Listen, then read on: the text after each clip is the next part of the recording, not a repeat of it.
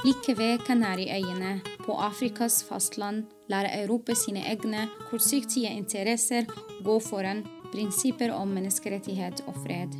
Velkommen til Sandfast, vår podkast om Vest-Sahara, den siste kolonien på det afrikanske kontinent.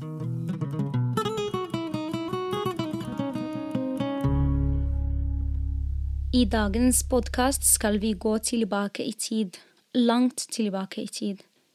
Til den gangen Sahara-beltet var grønt og frodig. Akkurat nå er jeg på klimakonferansen COP26, og her har jeg møtt Nick Brooks, en engelsk forsker som har spesialisert seg på menneskelige tilpasninger til klimaendringen. Særlig har han sett på hvordan folkene i Nord-Afrika har tilpasset seg klimaendringene over et flere tusen år langt perspektiv. Nick har reist rundt i den veldig vanskelig tilgjengelige delen av Vest-Sahara som ikke er under marokkansk okkupasjon. Her har han gjort arkeologisk kartlegging av alt fra bosetninger til gravplasser og helleristninger. Dette har han utgitt i bøker. So today we are here in Glasgow as part of the COP26, and today I'm speaking with Nick. So we are actually recording this episode after it's almost like uh, past half midnight, after a, a long day. So, Nick, thank you that you are still having uh, using the last drop of your energy to do this uh, uh, episode with me. So, who are you and why are you here? Yeah. And how did you end up actually as a part of the Western Sahara? Okay, well, thanks, Azria, first of all, for having me on the podcast. It's a great pleasure. Uh, so yeah, I'm I'm basically a, a, climate specialist, and you know that's why we're at COP26. I've been, you know, as you know very well, supporting the Sahrawi team in developing the so-called NDC, which is basically a national climate change plan. But the reason that I'm here is not because of climate stuff, really. It's it's because of work I did on archaeology uh, in Western Sahara between about 2002 and 2009 in the field, and then subsequently writing up uh, with my colleague Jo Clarke, uh, with whom I co-directed the, the archaeology project there. Um, writing that and publishing a book in 2018 on the archaeology of Western Sahara. But are you an arco- archaeologist? No, I, am not an archaeologist. That's that's my big confession. So I'm a, cli- a climate scientist by background. Um, but uh, after I did my PhD, I was doing some postdoc work in southern Libya, and I was providing archaeological, oh, rather environmental and climatic context for an archaeology project. Um, so, to cut a long story a little bit shorter, uh, a friend of mine happened to go to Western Sahara to write an article about the refugees. She had studied archaeology at university. She did a visit to the liberated territory and noticed that all these all, all these amazing archaeological sites there. She was talking about this with the Minister of Culture, and the minister said, "Well, could you interest some people to come and maybe do some research on on some of this stuff.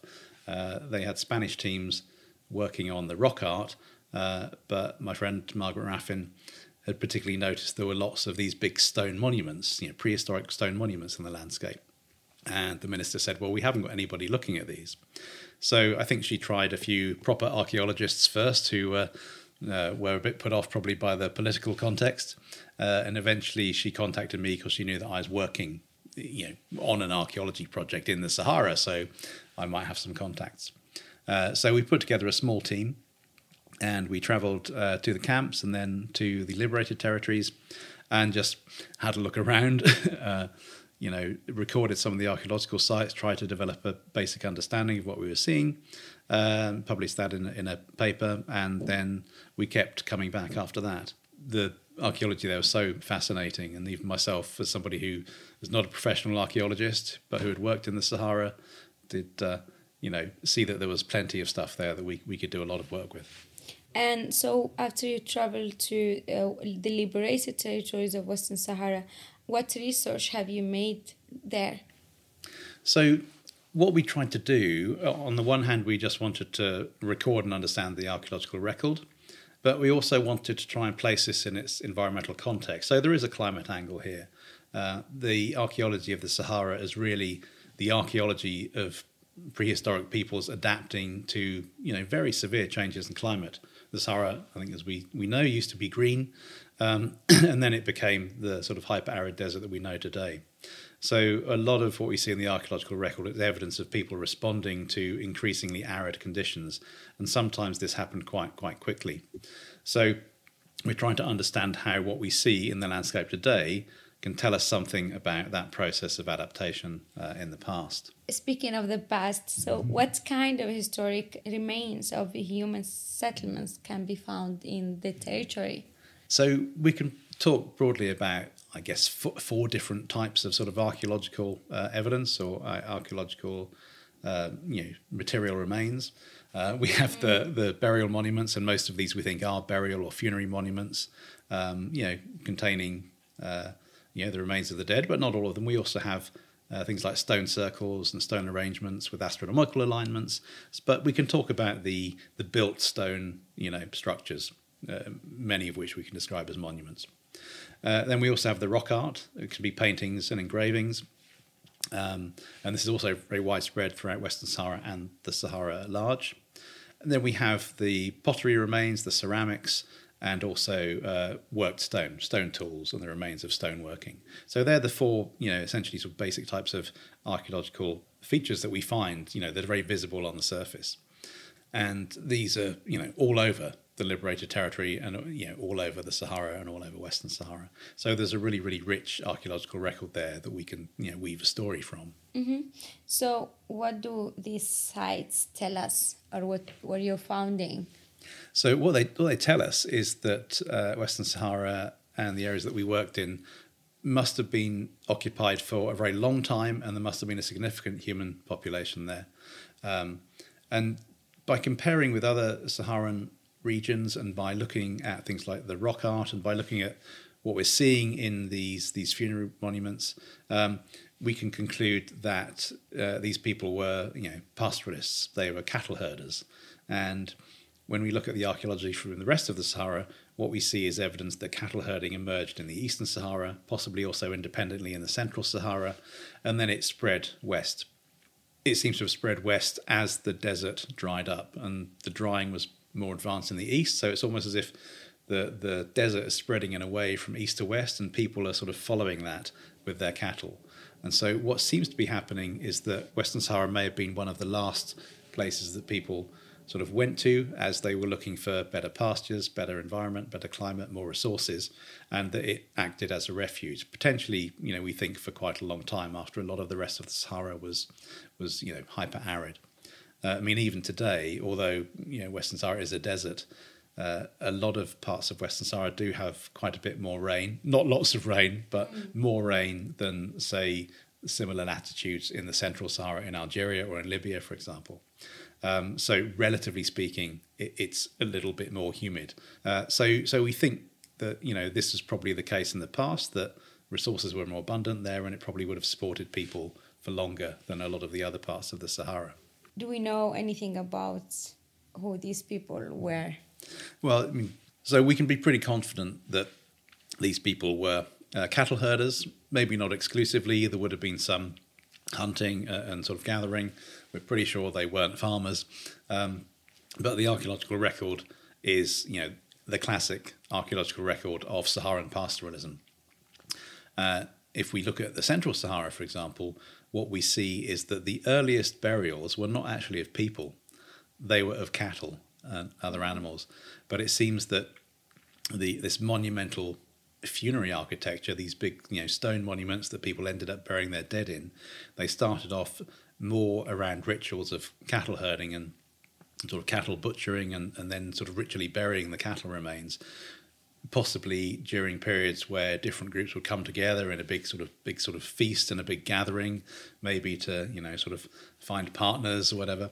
This ritual that started with you know the burying of cattle in these monuments then over time sort of turned into the burials of people, sometimes also with, with animal remains as well.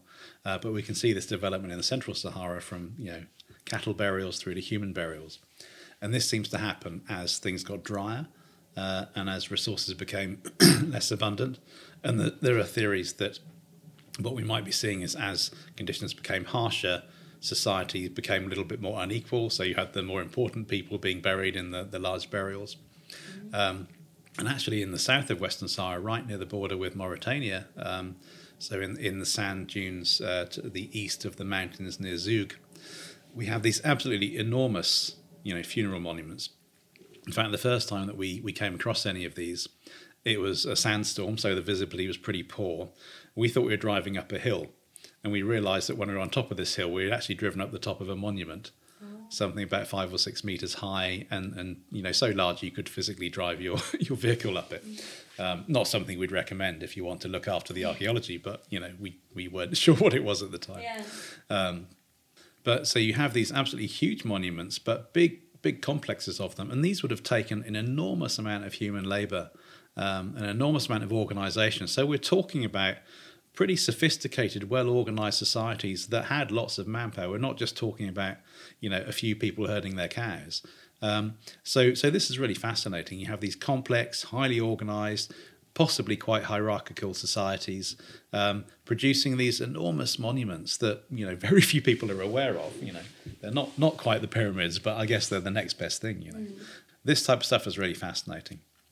And then in the vicinity of these uh, monuments, we have evidence of human occupation. You have grinding stones, you have rock art, uh, rock engravings, and again, then you have the along the um, sort of rocky outcrops and along the banks of the wadis around Zug, for example, you have these lines of funerary complexes. So you'll have you know long linear arrangements where where there are lots of different types of, of burial monuments, and if we look at the the time periods involved here, we know in the Central Sahara um, people started making these monumental burial structures maybe around 7,000 years ago, um, possibly a little bit earlier.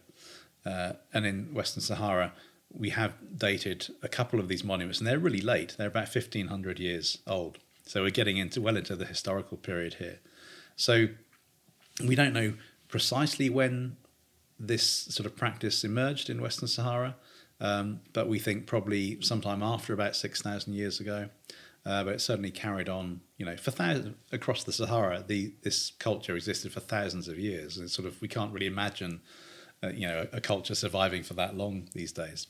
Going back to climate change mm. or the transformation. yeah, transformation is a good way of describing yeah. it. How did this green area turn to desert? So, yeah, so there's a number of processes going on here. I think a lot of people assume that it was humans that turned it to desert by, you know, misusing it and abusing it. The, the science doesn't support that at all. What happens in places like the Sahara, and in fact, the whole, you know, arid belt of the Northern Hemisphere, so we're talking about the dry parts of North America, uh, in the US, and all the way from West Africa across to China, over you know tens, hundreds of thousands of years, there are cycles. So if we go back about 110,000 years to the, the last sort of warm interglacial period, the Sahara was green. And then when we had the Ice Age, the Sahara was even bigger and drier than it is today. So when you have um, when the world's cold, when you're in an ice age, the deserts tend to grow. There's not enough, there's not as much moisture in the atmosphere. The temperatures are lower, so there's not as much evaporation from the oceans you know, a lot of uh, the water is locked up as ice. So you just, you know, it, it's a drier planet basically, um, which might seem counterintuitive. We think of oh, cold and wet, but that's not how it works. And then often when it gets warmer, um, when the world's warmer, then you do get more rainfall in places like the Sahara. And and today when we're talking about climate change, global warming, the climate crisis, um, you know, I don't think we're going to see a wonderful greening of the Sahara, but some of the uh, climate models do indicate that we might get increases in rainfall in parts of the south of the Sahara, parts of the Sahel, but more in the central and eastern regions. The, the models tend to, you know, predict that places like Western Sahara and most of Mauritania, for example, and certainly, you know, Morocco and the whole region of the Maghreb will become a lot drier.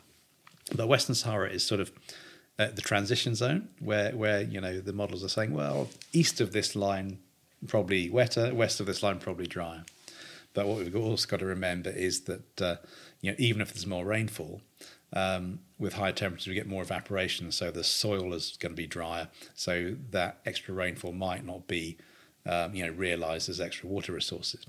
But that that's talking about what's happening sort of now and potentially in the future. And I think your question was about how did the Sahara become a desert? Mm. So basically, you know, the the changes that we're seeing in the climate of the Sahara in the past, yeah. um, they're to do with the interaction of of you know changes in the way the Earth orbits around the Sun, which Yeah.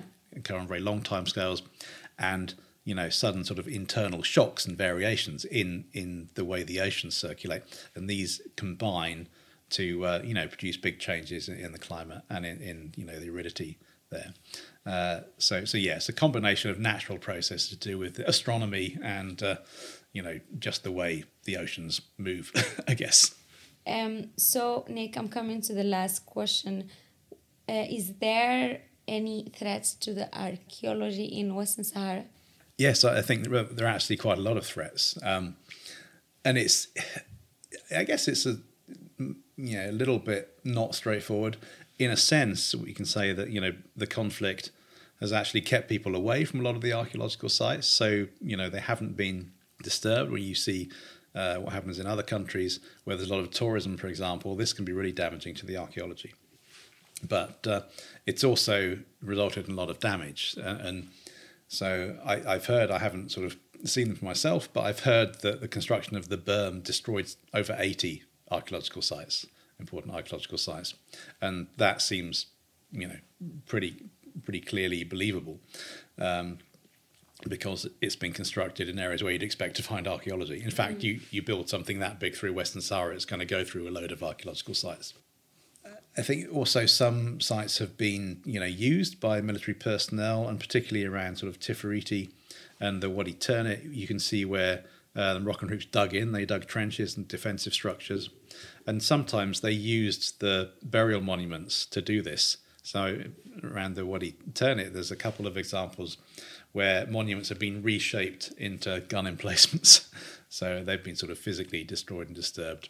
And uh, the other you know, major thing that, that happened um, in 2006 um, at Lajwad was that the MINURSO Mm. peacekeepers, the UN peacekeeping force, um, they went and vandalized a really important archaeological site with you know rock engravings and quite faint paintings and stuff. They they spray painted. Then it was quite stupid, really, because Exactly, they they what spray they paint. Yeah. yeah, they didn't just you know spray paint some random stuff. They spray painted their names, their nationalities, and their personnel numbers, so we knew who did it. But in really big letters, is really quite a shocking act of vandalism. Like I can't really understand what motivated people to do that. Um, so in the end, there was a. I haven't visited the site since since uh, it was apparently restored, but I know the UN did did try and sort of undo the damage. I just don't know how successful that was. But we also saw similar things, not on the same scale, um, around Tifariti, uh, Rakez Lemgasem, for example, where again we had uh, not in the big spray paint, but in sort of like charcoal or whatever. Uh, you know, again, sort of this, this UN sort of record of, of staff numbers and countries. But there's also been, you know, quite a bit of graffiti in Arabic, and you know, the what we hear is that also been sort of local people or nomads or whatever. Um, and so, so I think the, you know that damage What, why comes is from. that? Is that lack of knowledge, I- maybe, of the importance? I think so. uh, Yeah, yeah. I think it's when I when I started doing the archaeology in Western Sahara. This the the approach or the attitude towards the archaeology seemed to be. Uh, this is all made by people, sort of people before us. You know, people who you know, there's nothing to do with us. These were just these strange, unknown people who Yeah. inhabited the territory before we we were here. Um, but what was really interesting was after the MINURSO vandalism, um, it seemed that the Sahrawi took much more ownership over that heritage. So people became partly because they, you know, didn't like MINURSO very much because they were meant to be organising a referendum and had failed to do that for decades.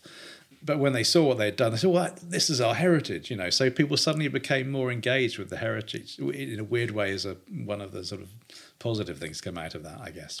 So uh, but but clearly, some people, you know, still don't see that, that the archaeology is anything to do with them, and uh, and uh, you know, defaced it sort of unthinkingly.